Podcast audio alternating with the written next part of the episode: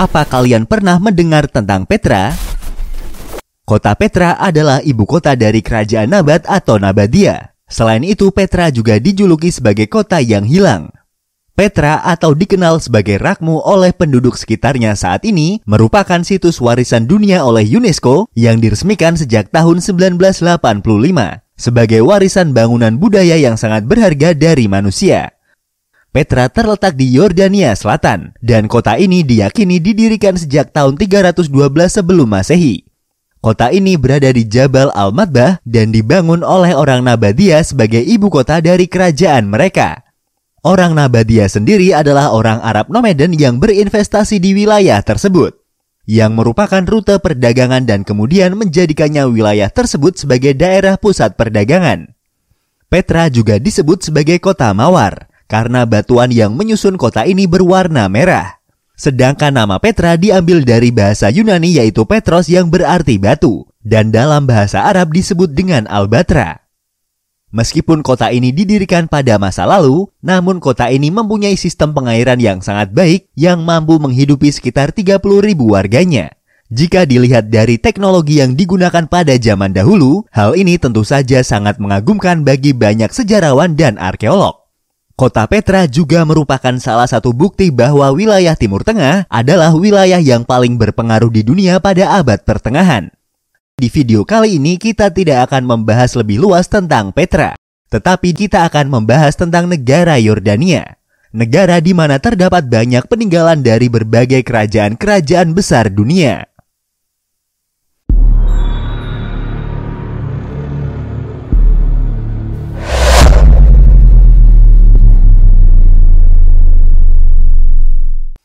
Kembali lagi di channel Invoice Indonesia, channel yang mungkin bisa menambah wawasan dan informasi yang belum kalian ketahui. Yordania atau nama resminya Kerajaan Hasimiyah Yordania merupakan negara Arab yang terletak di Asia Barat. Negara ini mempunyai wilayah mulai dari selatan Gurun Suriah sampai ke Teluk Akoba, Yordania berbatasan juga dengan negara Suriah di bagian utara, Irak di sebelah timur, Israel dan Palestina di bagian barat, dan Arab Saudi di bagian timur dan selatan. Sebagian besar wilayah Yordania adalah gurun, khususnya gurun Arab. Namun di sebelah barat laut merupakan daerah yang dilewati oleh sungai Jordan yang menjadikan wilayah tersebut sebagai wilayah yang sangat subur. Lokasinya yang berada di pusat Timur Tengah sangat memberikan banyak manfaat bagi negara yang mempunyai luas wilayah sekitar 89.342 km persegi tersebut. Seiring berjalannya waktu, negara ini telah banyak bersentuhan dengan beragam kebudayaan kuno dalam sejarahnya yang panjang, seperti kebudayaan Sumeria, Akadia, Babilonia, Assyria, Mesopotamia, dan Persia. Budaya dari dunia barat juga masih terlihat di negara Yordania, seperti peninggalan Makedonia, Romawi, dan Bizantium. Kerajaan Hashimiyah Yordania adalah negara monarki konstitusional, di mana raja adalah kepala negara, kepala pemerintahan, dan komandan angkatan bersenjata. Raja melaksanakan kekuasaan eksekutifnya melalui perdana menteri dan kabinetnya. Dan kabinet bertanggung jawab pada badan legislatif yang terdiri dari Senat dan House of Deputies.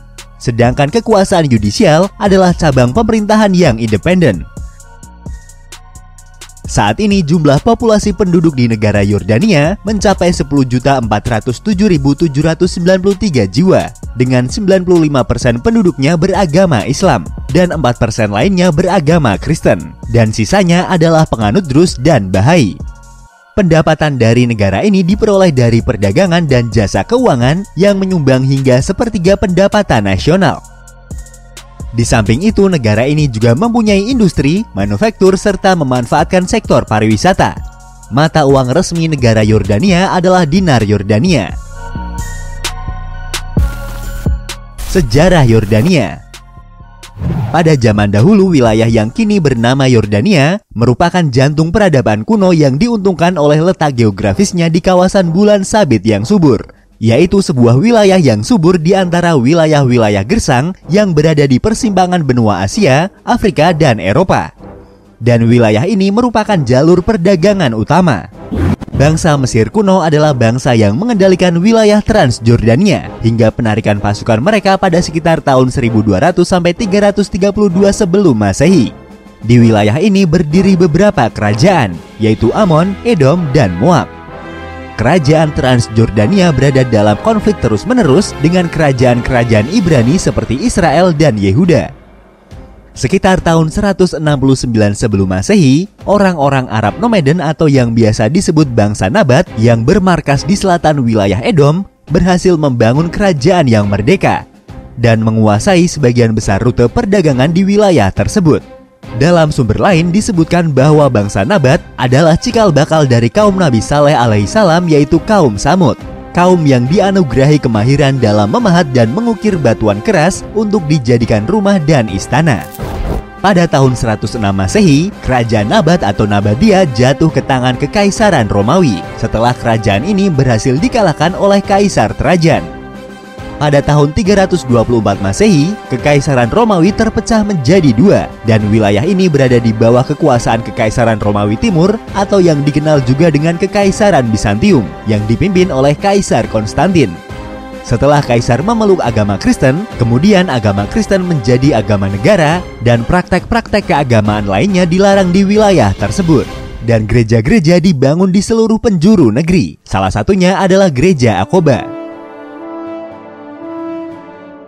Pada tahun 629, perang pertama antara Kekaisaran Bizantium melawan pasukan Islam yang terjadi di daerah Karak dekat desa Mu'tah dan perang tersebut dikenal dengan Perang Mu'tah.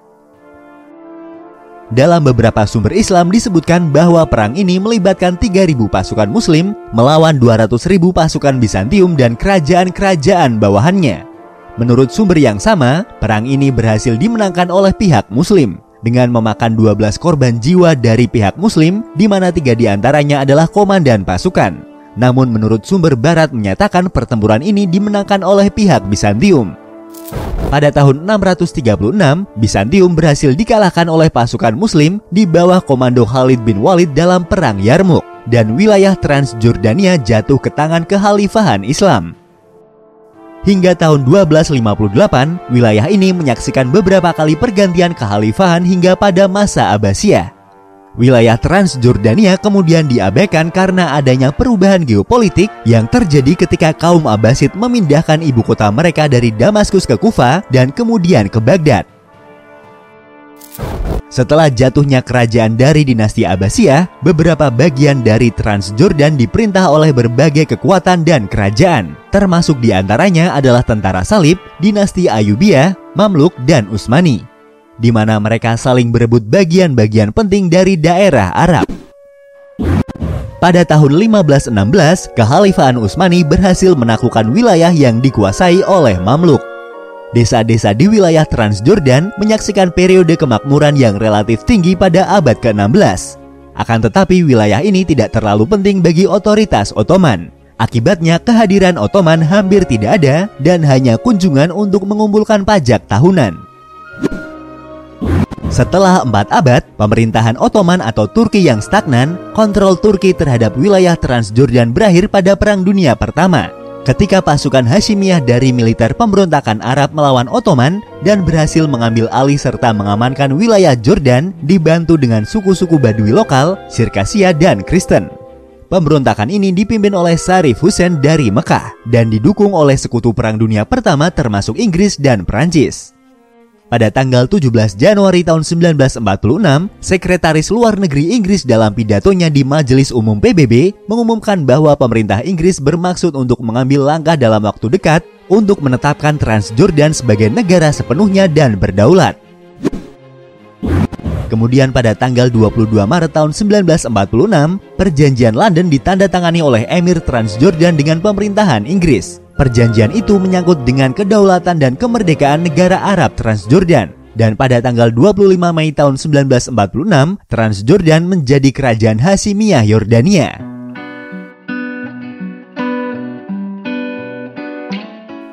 Itulah sedikit ringkasan tentang sejarah dari negara Yordania. Dan berikut adalah 15 fakta tentang negara Yordania. Nama Yordania diambil dari nama sungai Jordan yang melintasi wilayah tersebut. Kota Aman, ibu kota dari negara Yordania sebelumnya bernama Philadelphia selama periode Yunani dan Romawi. Kemudian pada era Islam nama kota ini dirubah lagi sesuai dengan nama awalnya menjadi kota aman. Kota Aman sendiri merupakan salah satu kota tertua di dunia. Kota ini dihuni oleh manusia sejak abad ke-13 sebelum masehi oleh bangsa Amon dan diberi nama dengan Rabat Amon. Sebagai daerah yang sempat dilintasi berbagai peradaban, di kota Aman masih tersisa bukti peradaban kuno seperti bangunan teater Roma, kuil Hercules, gereja Bizantium, dan juga Masjid Al-Husain peninggalan dari Kekaisaran Ottoman. Yordania adalah satu-satunya negara Timur Tengah yang miskin akan minyak bumi. Yordania adalah salah satu negara dengan standar pendidikan yang tinggi, dan tingkat melek huruf di negara ini merupakan salah satu yang tertinggi di Timur Tengah. Warga negara Yordania berkomunikasi menggunakan bahasa Arab, bahasa resmi yang ditetapkan di negara Yordania. Orang Yordania juga dikenal dengan keramahannya. Mereka tidak ragu untuk menawari makanan pada orang yang baru dikenal. Di negara ini kalian harus bisa menahan rasa kagum yang berlebihan terhadap suatu benda di rumah atau tuan rumah akan merasa berkewajiban untuk memberikan barang tersebut kepada kalian. Hal tersebut dilakukan untuk membuktikan sikap dermawan dari tuan rumah. Suku Badui adalah salah satu suku penghuni Yordania. Mereka hidup di dalam tenda dan selalu berpindah-pindah untuk mencari tempat menggembala yang subur serta berlindung dari cuaca. Laut Mati yang terdapat di Yordania merupakan tempat dengan titik terendah di bumi. Tempat tersebut berada sekitar 402 meter di bawah permukaan laut. Bunga iris hitam adalah bunga nasional di negara Yordania. Bunga ini sangat langka, hanya tumbuh di daerah Wadi Rum dan hanya pada musim semi. Jawa Dam adalah situs peninggalan bangunan bendungan yang ditemukan di negara Yordania dan diperkirakan dibangun pada tahun 4000 sebelum Masehi. Gunung Nebo yang terletak di negara ini dianggap sebagai tempat makam Nabi Musa alaihi salam. Selain Petra, Yordania mempunyai banyak peninggalan bersejarah dan bukti kejayaan pada masa lalu, seperti Benteng Al-Karak, Kastil Azrak, Gereja Madaba, Gunung Nebo, Umkois atau Garada, Kas Al-Karane, Geras, Kas Al-Amra, dan masih banyak lainnya. Itulah tadi sedikit ringkasan tentang negara Yordania, sebuah negara yang terletak di jalur perdagangan yang juga menjadi tempat perlintasan peradaban dari bangsa-bangsa besar dunia. Negara yang akan membuat kita merasa dibawa ke masa lalu jika kita berkunjung ke sana karena banyaknya bangunan peninggalan sejarah masa lalu. Terima kasih sudah menonton dan tunggu video dari kami selanjutnya.